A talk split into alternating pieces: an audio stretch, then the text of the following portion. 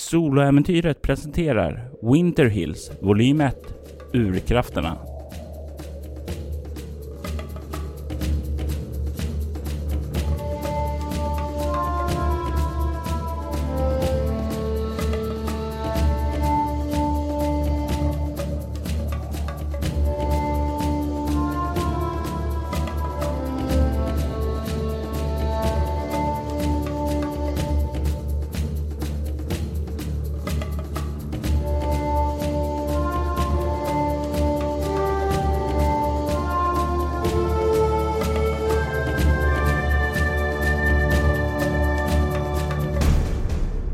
Säsong 2 Avsnitt 4 Flashback fjärde delen. Januari månaden har anlänt till Winter Hills. Det har gått flera veckor sedan Sam var med om de märkliga händelserna i Gilberts stuga. Hon och Simone har spenderat tiden i stugan sedan dess. Efter att de firat jul tillsammans med Dahlia White. Dahlia exorcerade själen i dig, Simon. Men eh, frågan är, är det vad Simon minns av den här händelsen? Vad, vad minns hon där från den där julen? De starkaste minnena är nog det som hände där innan. Att finna de här cellerna och den här flickan inlåst där längst bort. Den här märkliga behållaren. Och någonting som får in i henne. Det här Simone sa. Att jag alltid säger vi. Det var inte någonting jag lade märke till. Skulle det ha varit Lucys själ inne i mig? Jag vet inte. Exorcismen var ju jag minns inte så mycket av den. Det var mer som att jag la mig där och sen vaknade jag upp. Jag kände mig väl mer som mig själv igen, kanske. Ja, det gjorde du. Men den första dagen efter det så var det en annan känsla som ekade kvar i dig. Ensamhet. Som om du hade förlorat en vän. Men den känslan klingade av ganska fort. Det här har påverkat mig ganska mycket. Jag har ju hela tiden varit helt övertygad om att alla så kallade övernaturligheter, aliens och annat mumbo jumbo är just det, mumbo jumbo. Men nu har det hänt saker med mig. Jag har sett saker. Saker som är svåra att förklara. En del av tiden som har gått har jag spenderat i Gilberts bibliotek. Läst igenom kvacksalverin som fick samla där. För att försöka förstå om det finns något korn av sanning i något av dessa verk. Som en av medlemmarna inom The Society of Metaphysical Research så finns det en sak du håller nära ditt hjärta. Och det är ju research att inte avfärda någonting utan att hitta de bakomliggande sanningarna. För som du säger, det är ju mycket mumbo jumbo. Du har bevisat sådant tidigare. Mm. Men det finns alltid någon korn av sanning där myterna har fått sin start. Det gäller bara att hitta dem. Och du har mycket att hänge dig åt här. Eh, det finns väldigt brett bibliotek där nere. Eh, när du har läst många av de här böckerna så kan du också lägga märke till en annan sak. Det är som så att många av de här böckerna verkar komma ifrån Vinetkas gamla bibliotek. Det har varit låneböcker. Inte allt, för många är för fina för att vara låneböcker, men det finns ganska bred, brett utbud som verkar komma ifrån biblioteket. Mm. Känns ändå rätt märkligt. Jag har ju spenderat rätt mycket tid i biblioteket i Vancouver. Ja, i samband med studierna och sådant och någon stor sektion med okulta skrifter. Är knappast något som jag hittat där. Och det, när du liksom går igenom där så är det ju kanske inte de okulta böckerna som kommer från biblioteken, eh, utan de verkar vara från hans privata samling. Mm, Okej. Eh, men han har ju så mycket mer. Han har om eh, allt ifrån botanik till eh, ja, eh, gruvbrytning, historia, konsthistoria, eh, litteraturvetenskap. Alltså det finns många olika områden och discipliner som uppfattas här. Eh, du må inte ha internet att göra research på eller ett stort eh, universitetsbibliotek. Men det här är inte en dålig ersättare. När jag märker det så funderar jag lite grann om det finns... Jag börjar leta efter om det finns böcker om juridik som verkar kopplat till trakten. Du hittar eh, en del böcker som är relevanta för juridik här i trakten. Till exempel Keaton Oil som håller på och bryter olje, olja ute på oljeplattformen. Vad, vad är relevant för dem kring brytningen? Vad är, har de för rättigheter och sådant? Alltså böcker som är rätt för eh, den typen av lagfrågor. Det finns till exempel här, men kanske inte Ja, men eh, vad är relevant för eh, flygplatser? Alltså om du förstår vad jag menar. Ehm, jag lägger det på minnet lite grann vilka typer av ehm, ämnen som jag skulle kunna gå tillbaka till här om jag behöver det senare. Du lägger minnet på vad som finns här och det finns mycket resurser.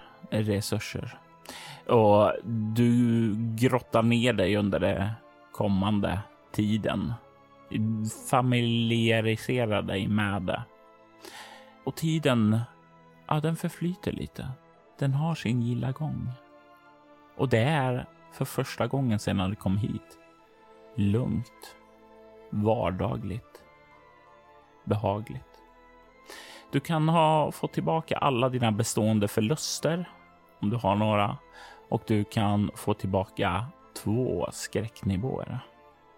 Eftersom jag kände mig så mycket mer återställd förutom den här ensamheten efter Dalias ritual så har jag inga skräcknivåer eller bestående förluster. Då är det en ganska trevlig atmosfär här gentemot, i alla fall om man jämför mot tidigare då ni kom hit. Inga dockor som dyker upp. Dockorna finns ju fortfarande där uppe, men ingen har rört sig sedan allt det här la sig. Har ni städat ur dockorna eller packat ner dem? Nej, det har vi nog inte gjort. Det känns som att allt det här kanske en dag kommer behöva vara bevis. Så är det som så att vi har dockor till exempel i köket eller på något annat ställe för att de var där så bär vi upp dem igen på vinden. Nej, eh, ni har inte hittat några dockor alls där nere förutom när de verkar ha egna ben att springa omkring. Tiden går och det blir nyår. Och det är ganska stillsamt då.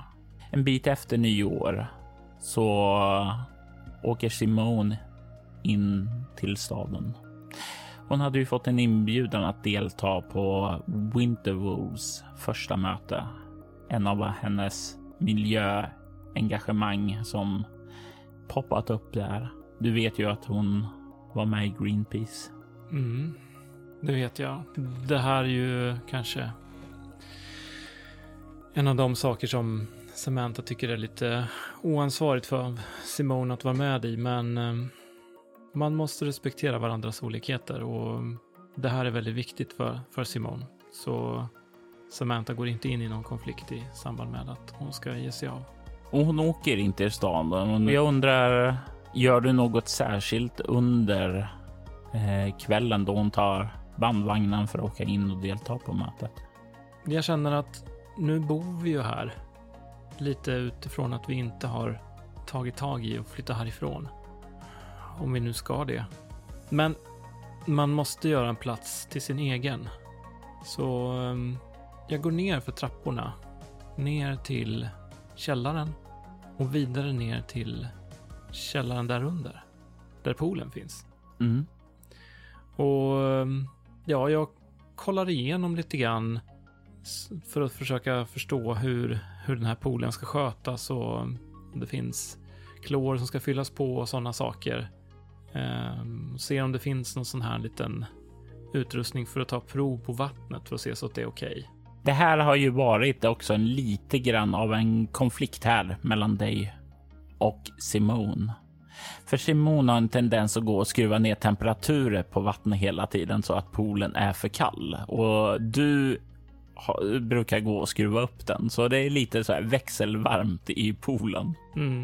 Eh, men du tar kvällen och eh, går igenom det här, fyller på saker som behövs göras, renar det, kör, kör en riktig ordentlig skrubbning av poolen. Ja, och när jag känner att allt är rent och att temperaturen har kommit upp till en behaglig nivå så tar jag mig en ordentlig simtur också. Och du liksom kommer upp där stärkt, eh, tar och torkar dig rent och börjar kliva uppåt för att ta någonting att äta då du kan höra att eh, över komradion eh, hur Simon kontaktar dig. Och hon säger då att hon, hon ska ut och umgås med några av eh, vänner hon har träffat på det där mötet och att hon kommer hem sent ikväll och du behöver inte oroa dig. Eller så stannar hon där inne och kommer imorgon. Jag svarar henne över komradion att eh, ja, det är kanske bättre att du stannar där om du ska eh, roa dig. Man ska inte ens köra en sån här snövessla alkoholpåverkad. Hon tar åt sig av dina ord eh, och eh, önskar dig en trevlig kväll och sedan försvinner hon iväg och du och Glaze blir ensam kvar. Och du spenderar en ganska lugn kväll hemma innan du går till sängen och kryper ner där. Jag vill att du slår ett chockartat skräckslag med utstrålning. Jag kommer upp i tio. Du är på väg att glida in i sömnen. Då du plötsligt drabbas av en obehaglig känsla. Den här känslan av att någonting är fel. Någonting är att Simone är i fara. Genom det ert tvillingband så känner du hur hon är rädd, utsatt. Jag vaknar till, jag, jag tänder lampan. Simone. Den skulle äta där inne. Hon har tagit snövesslan, eller hur? Hon har tagit bandvagnen som ni har. Och om du ska någonstans så är det enda du har dina egna fötter. Radion. Radion. Jag, jag, jag tar mig till radion. Jag har på mig morgonrocken och glaze hack i häl.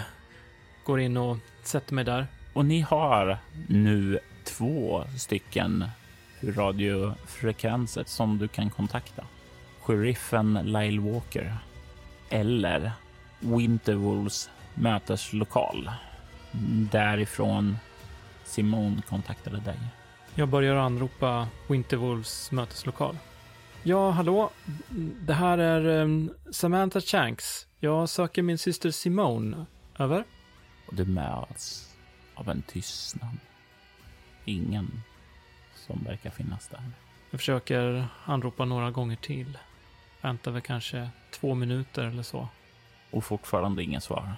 Den här tiden känns oändligt lång. Jag börjar ratta om frekvensen. Och medan du gör det så börjar den här känslan förändras i dig. Du börjar känna ett lugn, ett eh, välbehag. Ah, Simone, är du okej? Du kan känna en liten pirrning gå igenom din kropp. Mm. Det är nästan som om du kan känna en hand smeka över din kropp. Hon kanske inte är i någon direkt livshotande fara längre. Du tycker dig höra ett vagt nynnande melodi och en annan hand som liksom körs upp genom håret på dig. Smeker den längs din nacke ned. Och det är som om sakta du börjar känna hur någonting börjar att ta av dig dina kläder. Det här känns märkligt. Jag, jag stänger av radion. Och sen sätter jag igång den igen. Utifall hon anropar. Jag går och ut i köket. Du kommer ut i köket och du känner hur den här känslan börjar avta nu. Jag brygger en kopp te. En kopp koffeinfritt te. Försöker lugna mig lite grann. Sen eh, efter att ha druckit upp den så tar jag med mig Glaze och går in och lägger mig i sängen igen. Och du somnar där ostört och sover. Simone kommer hem nästa dag. Hon är ganska fåordig. Det, du har inga problem att se att din syster har varit med om någonting, men du får ganska snabbt intryck av att hon, hon verkar inte vara redo att tala av det. Hon säger att hon vill ha lite space. Du har sett henne liknande tidigare. Du Mm. minns tiden efter att hon fick missfall. Hon behövde tid då och det är lite grann samma sak nu. Att hon har, behöver den här tiden för sig själv för att processa innan hon kommer till dig. Jag har enormt svårt att inte pressa henne, men jag lägger band på mig och, och låter henne få det utrymme hon behöver. I alla fall just nu. Några dagar. Och medans hon behöver tid för sig själv bestämmer du dig att fokusera på någonting som du är här för att göra. För du var ju inte bara för att träffa Gilbert Shanks. Du var här. Det stämmer. Din chef, Bartholomew Bartlett Carter, gav dig ett uppdrag. Han ville att jag skulle finna Sandra Everett. Nu har jag fått reda på vem hon är. Kate Robinson. Hon har radion. Alltså radiostationen här i Winter Hills. Din farbror hade ju dessutom skrivit en post-it-lapp om henne. Unga, vackra Kate må smeka Vinetkas invånare med sin röst varje kväll. Men vem är det som smeker henne? Det kanske inte är den frågan jag borde ställa. Vem det är. Eller ja, kanske fast på ett annat sätt. Inte fullt så creepy. Mm, Nej, det finns mycket annat jag måste fråga Sandra. Jag packar i ordning en liten dagryggsäck med eh, lite smörgås och lite vattenflaska och lite extra varma kläder och sådär. Mm. Och um, jag packar ner satellittelefonen. Och en av de burkar jag sparat med röd sand Mm. plockar jag också ner. Sen så går jag och meddelar Simone att jag ska åka in till stan. Du får bara en kort mm eh, inifrån rummet. Jag är tillbaks ikväll. Du hör henne mma där inne. Som om hon förstår det. Jag går in och ger henne en liten klapp på axeln och nickar åt henne. Och sen går jag ut och klär på mig de stora tjocka ytterkläderna och tar med nyckeln till bandvagnen.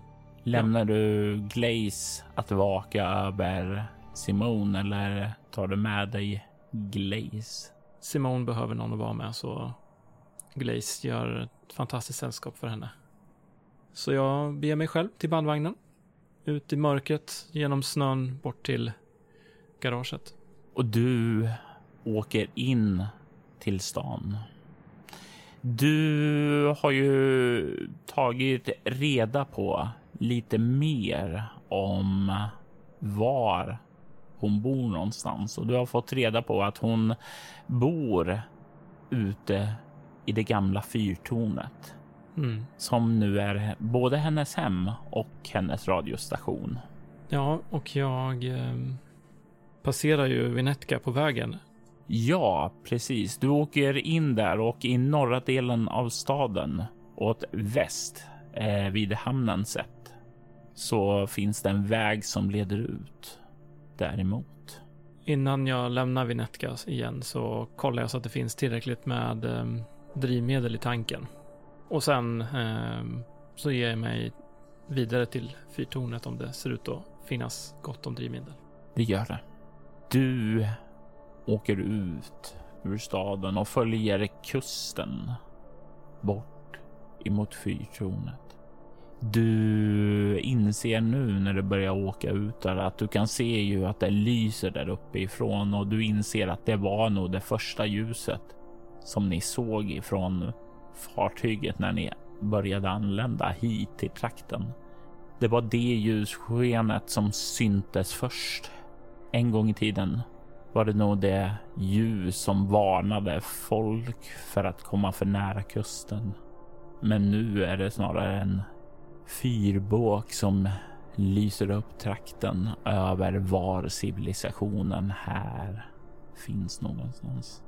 Men är det något som inte är civiliserat så är det vägen. Vägen visar sig snart vara ganska svår att ta sig fram. Jag vill att du slår ett svårt slag med kroppfordon.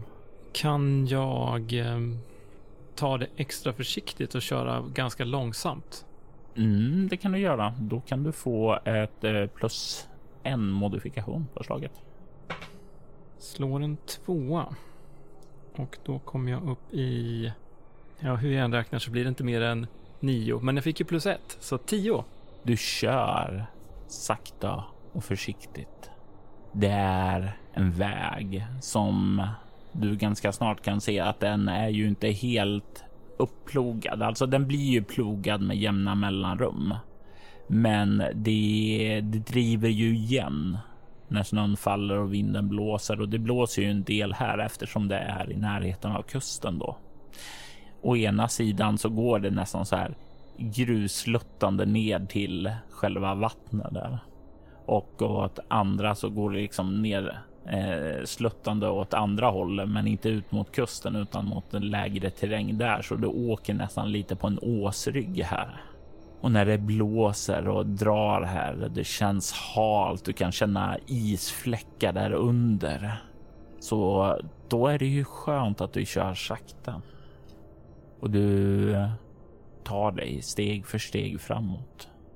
Tills du plötsligt börjar känna hur du börjar glida lite över kanten ned emot kusten. Och när du känner att du börjar glida åt sidan där nedåt mot kusten, vad är din första reaktion att göra då? Stanna. Du stannar, trycker i bromsen och känner, känner bandvagnen och bandvagnen står liksom och balanserar lite på kanten så där. Jag lägger i backen och försöker väldigt, väldigt försiktigt att ta mig bakåt. Och du känner att banden när du försöker backa där börjar slira på isen och inte får något riktigt grepp.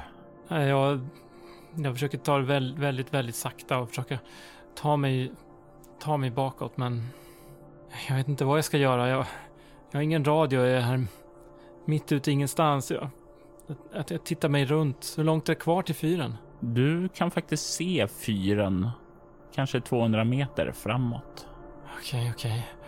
Okay. En uh... ganska öppen terräng här och du ser ljuset där uppifrån. Det utstrålar nästan trygghet här inifrån, värme. Det betyder ett längre tillbaka in till Vinetka. Jag tar min ryggsäck på ryggen. Och finns det, det finns ett baksäte man kan klättra bak till. Mm. Och då borde jag kunna i alla fall lägga lite vikt bakåt. Ja. Eh, har, har, jag något mer här? Jag, jag, jag öppnar upp dörren i baksätet. Jag känner den isande vinden och snödrevet liksom sticker i huden när jag hoppar ut. Finns det någonting här jag kan palla upp med så att den inte börjar glida ner mera? Det finns saker här som du kan flytta omkring i bilen och sådant. Och jag tänker så här att du kan förstå ett ego plus mekanik eller naturvetenskap. Ego mekanik. Mm. Lätt slag. 12. Och du kan flytta omkring en del saker i bilen och bagage och sådant där för att lägga så mycket vikt så att den inte ska tippa över. Ja, och jag jobbar på så hårt jag kan för att värma mig själv inifrån.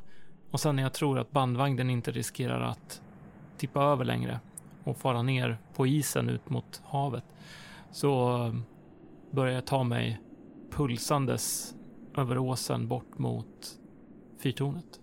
Du tar de första stegen. Det är kallt, det blåser. Och du känner luften är betydligt mer råare här precis vid havet. Du tvingar dig vidare framåt. Och eh, du har passerat halva sträckan så kan du se verkligen det här tornet tydligare. Du kan se att det reser sig högt upp och du kan se en liten sån här våning utanför som man kan kliva ut och kolla ut över trakten. Och lite högre upp det här stora området där det lyser upp nu. Det som en gång i tiden var fyrtornets sanna syfte. Du kan också ana där uppe nu massa sådana här stora radioantenner också som har definitivt inte ser ut att vara en del av fyrtornets ursprungliga funktion. Du fortsätter framåt och när det börjar bara 50 meter ifrån så börjar du känna en känsla. En känsla som... Ja, det är nästan som att börja knyta sig i magen. Någonting som börjar få dig nästan kallsvettas. Det här vädret alltså. Det tar sig in under huden. Jag känner den här doften, den här lukten av havet långt där ute från isen och kylan i näsborrarna och hur det knyter sig i magen. Jag försöker höja min röst. Sandra! Men vinden bara tar den med sig. Du känner för varje steg du tar framåt att den börjar bli värre. Den börjar nästan sticka i hyn under kläderna. Det är den här känslan av att det knyter sig i magen blir allt starkare. Den är nästan krampaktig nu. Du börjar känna det är någonting. Någonting bekant med den här känslan. Någonting. Ah, vad är det? Och det är liksom, du känner att det är någonting som spinner där i bakre del av min minne. Du har känt den här känslan förut. Mm. Jag försöker komma på vad jag kopplar ihop den med, men jag måste ta mig in från den här blåsten, den här kylan. Jag fortsätter försöka ta mig fram den sista biten mot fyren. Jag vill att du slår ett skräckslag. Utstrålning chockartat. Och samtidigt som du gör det och tar dig framåt så börjar sakta det här minne och börjar tränga fram. Och beroende på vad för resultat du får så kan det tränga fram mer eller mindre. Kommer upp i sju, så det är ett misslyckat. Det är två skräcknivåer. Då du rör dig framåt där så är det plötsligt så att det sveper in över dig. Det väller likt en fors över dig och du minns. Du minns tillbaka till en tid då du bara var 12 år. Den 12-åriga Samantha, hur var hon? Hon var glad. Hon var, hon var fri. Vi bodde ju där på ranchen vid eh, naturreservatet mitt i Kanada. Min far var ranger vi hade hästar och vi levde nästan som ett med naturen där ute. Det fanns alltid tid att tala med dem i familjen och ta sig runt och umgås med djuren och samla insekter. Åh, oh, jag saknar insekter. Men den tolvåriga Samantha, hon var väl inte den som älskade att följa med sin far ut på jaktresorna. Inte i alla fall inte lika mycket som hennes syster brukade göra. Och egentligen så skulle ju både du och hon ha varit med er far nu den här hösten på jakten. Men så är det inte. Din far John är här med dig ensam eftersom din syster var sjuk. Ni har parkerat bilen för någon timma sedan och vandrar nu igenom skogen för att ta er ut till det jaktpass som han ska sitta på. Och som, eller som ni ska sitta på. Ni är ju här tillsammans för att få lite pappa och dottertid. Mm.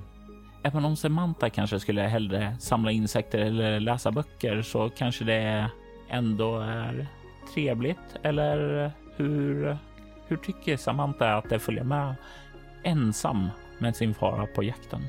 Ja, det känns lite konstigt att vara ifrån Simone. Vi gör ju nästan alltid tillsammans. Vi går i skolan tillsammans i samma klass och vi gör allting tillsammans. Men eh, ja, både mamma och pappa brukar säga ibland att det är bra att vi gör lite saker själva. Vilket verkar helt oförståeligt. Varför skulle det någonsin vara bra? Ja, ja, det är väl bra att passa på nu när han ändå är sjuk och jättetråkig. Ni har vandrat i vad som känns en evighet. Det regnar omkring er. Det är höst. Den här myllrande färgexplosionen av löv och sådant som finns där nu kanske är vacker att titta på, men det är inte så roligt att se det när man har gått i någon timma, är kall, blöt och är bara 12 och kanske inte har lika bra fysik som sin far som travar på lite för fort egentligen för att det ska vara helt roligt. Pappa, kan vi, kan vi ta matsäcken nu? Eh, alldeles strax. Vi är snart framme. Eh, då ska jag ordna en eld så du blir lite varmare och då ska du få äta också. Bra. Bra, du har med dig min, min kåsa va? Den är med, oroa dig inte. Eh, din mor såg till att dubbelkolla packningen. Ja, vad bra. Och han, han kollar inte riktigt tillbaka på dig utan han fortsatte ju vandra hela tiden där. Väldigt fokuserad på att komma fram.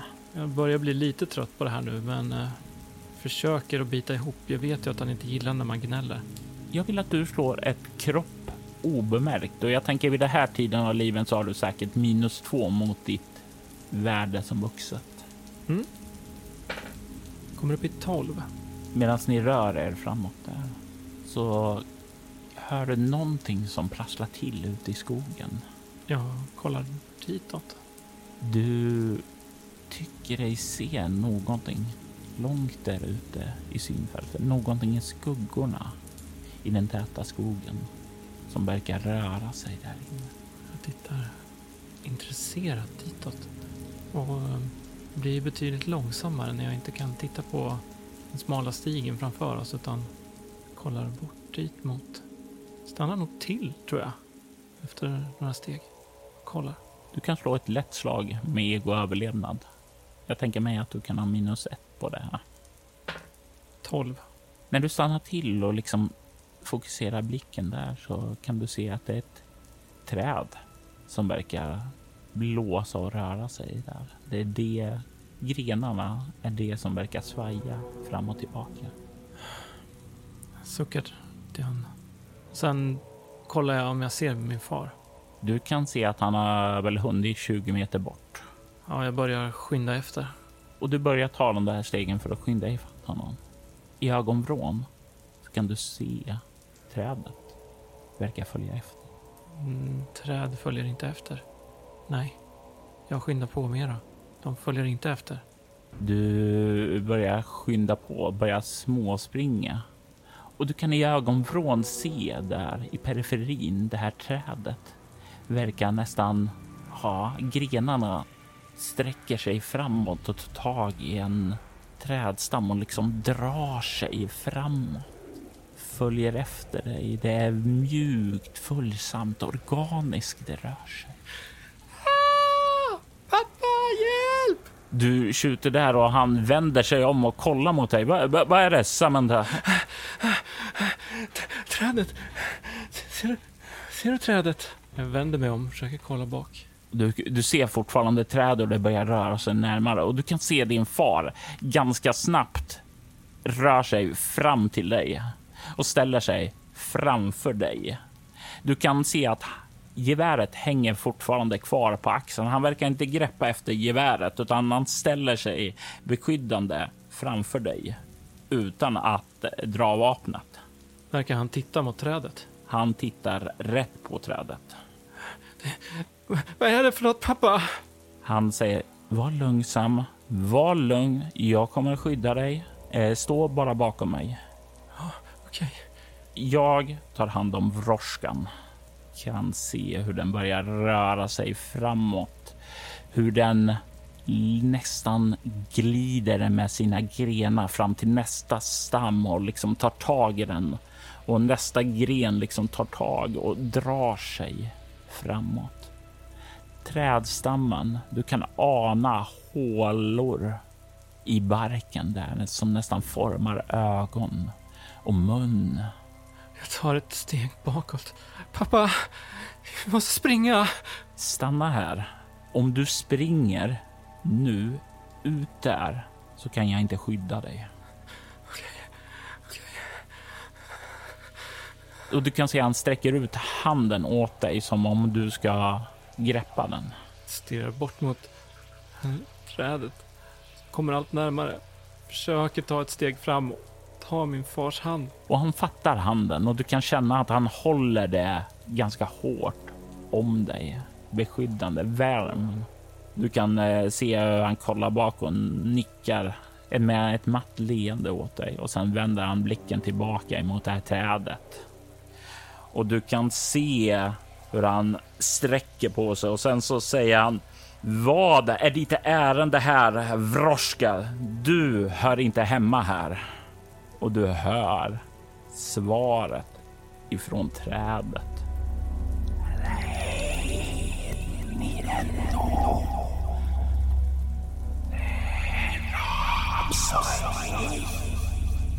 Försvinn härifrån, svarar han på som han förstår det.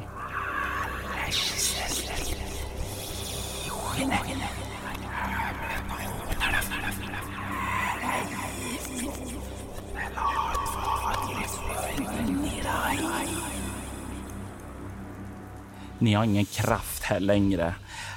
Hon är min dotter, min, hör du det? Jag vill inte skada dig, men jag kommer att göra det om du inte backar.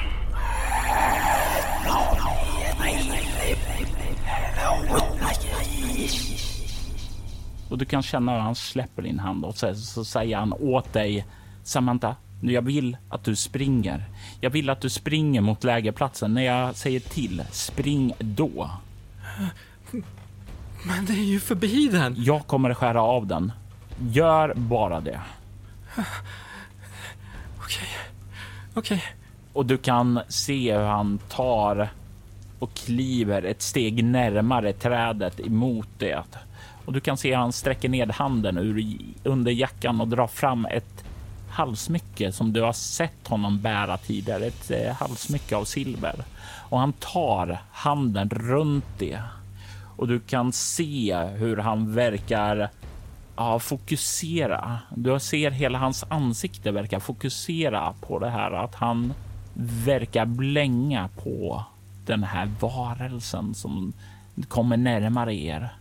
Och du kan känna också en energi som börjar byggas upp. En energi som får en krampaktig känsla i din mage. En eh, känsla som är både obehaglig och eh, ja, att det kliar över hela kroppen. Det är som det, det är fräter på din hy här. Och han säger spring, spring nu min dotter, spring! Åh, jag springer. Jag springer det fortaste jag kan åt det håll han pekar, bort, bort mot lägerplatsen. Jag vågar inte vända mig om. Och du hör ljudet från den här varelsen.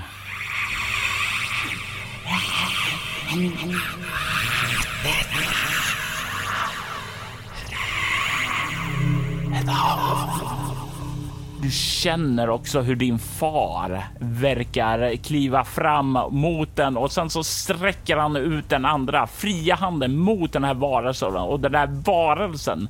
Du känner hur den verkar förvandlas. Du ser hur det flammar upp och börjar brinna där och aska börjar yra genom själva miljön där. Hur det börjar sprida sig. Det är inte så att du bränner, men det är som om du kommer lite för nära en eld. Ungefär som du känner den här hettan liksom svepar in och du nästan blir skollad av den. Du faller omkull när du försöker springa därifrån och sen svartnar det. Du är tillbaka där, tio meter ifrån fyrtornet. Du minns den där händelsen nu. Du minns den där händelsen när du, när du var med din pappa på jakten. Du mindes inte det här, men du mindes att du var med på en tråkig jakt och att du också blev sjuk och fick feber där ute. Det var ingen rolig resa, men ni avbröt jakten tidigare och din far bäddade ner dig i sjuksängen. Det här. Hur kan jag ha glömt det här? Jag stannar upp där. Tankarna far genom mitt huvud. Ja, det här är ett minne. Jag blev inte sjuk. Det hände någonting där. Som det gör här. Jag måste ta mig in. Sandra! Jag skyndar bort mot dörren. Du skyndar fram till dörren och ser där en ringklocka. Jag tar tag i dörrhandtaget och öppnar dörren. Och du känner att den är låst. Jag trycker på ringklockan. Du hör bussandet när du trycker där. Och snart så kan du höra fotsteg som kommer ner. Ett lås som låses upp. Och när dörren öppnas så ser du Kate Robinson. Men du ser också en annan sak. Du ser Sandra Everett. Målet som du blev hitskickad för att finna står nu framför dig. I detta avsnitt hör du Gustav Rutgård som Samantha Shanks och Per Aneskans som Gilbert Shanks. Winter Hills är en berättelse skapad, spelad och producerad av Robert Jonsson till rollspelet Bortom som ges ut av Mylingspel. Denna säsong klipptes av Kvarnberg Productions, Robert Jonsson och Jörgen Niemi. Kvarnberg Productions är ett företag som bistår dig med allt ifrån att hjälpa dig till att starta upp en podd till att klippa och producera den. Du hittar dem på kvarnbergproductions.com och länkar till deras kanaler hittar du i avsnittets inlägg. Winterhills temamusik skapades av Andreas Lundström från rollspelspodden Sweden Rules. Ni hittar hans musik på Spotify och Soundcloud. Musiken i denna säsongen kommer från Ager Sonus, Alfax One, Atrium Carcere, Cities Last Broadcast, Council of Nine, Creation 4, Cryo Chamber-kollektivet, Dead Melodies, Eldar, En Marta, Gidanien, Northumbria, Onasander, Plamen Vecnosti, Proto You, Shrine, Skrika, Tinnedai, Ugasani, Xerxes the Dark, Wolves and Horses. Alla dessa band var från Cryo Chamber. Från Epidemic Sound kan vi höra banden Airei, Amaru, Amos Noah, August Wilhelmsson, Bladverk Band, Kristoffer Mo Ditlevsen, Klinger featuring Lejun, Edgar Hopp, Edvard Karl Hansson, ELFL, Eludent, Francis Wells, Gavin Luke, Hampus Naselius, Johan Glossner, Jon Björk, Lama House, Loving Caliber, Middle and End, Rand Aldo, Red Revision, Savun, Sightless In Shadow, Silver Maple, Trailer Works och Young Community. Övriga artister som medverkar i säsongen är Adrian von Ziegler, Andreas Lundström, Derek and Brandon Fichter, Is Jammy Jams, John Lahtinen, Kevin MacLeod, Nicholas Heidless, Ryan E. Beats, Tabletop Audio, Vlogson samt Copyright Free musik. Den sångslinga som kan höras i samband med Sjöhäxan är en ljudeffekt hämtad från Free Sound skapad av användaren Timber. Länkar till skivbolag och artister hittar du i avsnittets inlägg. Soläventyr är en actual play podcast där vi spelar rollspelaren Bortom och Leviathan. Ni kan komma i kontakt med oss på Instagram och Twitter som @spelabortom, på Facebook samt på bortom.nu. Vill ni ha liknande poddar som denna kan ni spana in våra spin-off-poddar Alto Schwider och Valerie Chronicles. I den förstnämnda spelar vi det klassiska rollspelet Drakar och Demoner i världen Altor, medan vi i det andra spelar Vampire the Masquerade med inslag av de andra rollspelen i World of Darkness. Ni är välkomna att lämna recensioner om podden på både Facebook och era poddappar. Det uppskattas djupt av oss och kan leda till extra belöningar för er. Vill du stödja Roberts fortsatta kreativa skapande kan du göra det på patreon.com snedstreck Robert Jonsson. De som backar får tillgång till material i form av extra poddar och statusuppdateringar. Mitt namn är Robert Jonsson. Tack för att du lyssnar. Vi vill ta tillfället i akt att tacka, hylla och hedra våra Patreon-backare Ty Nilsson, Daniel Pettersson, Daniel Lands och Morgan Kullberg. Ert stöd är djupt uppskattat.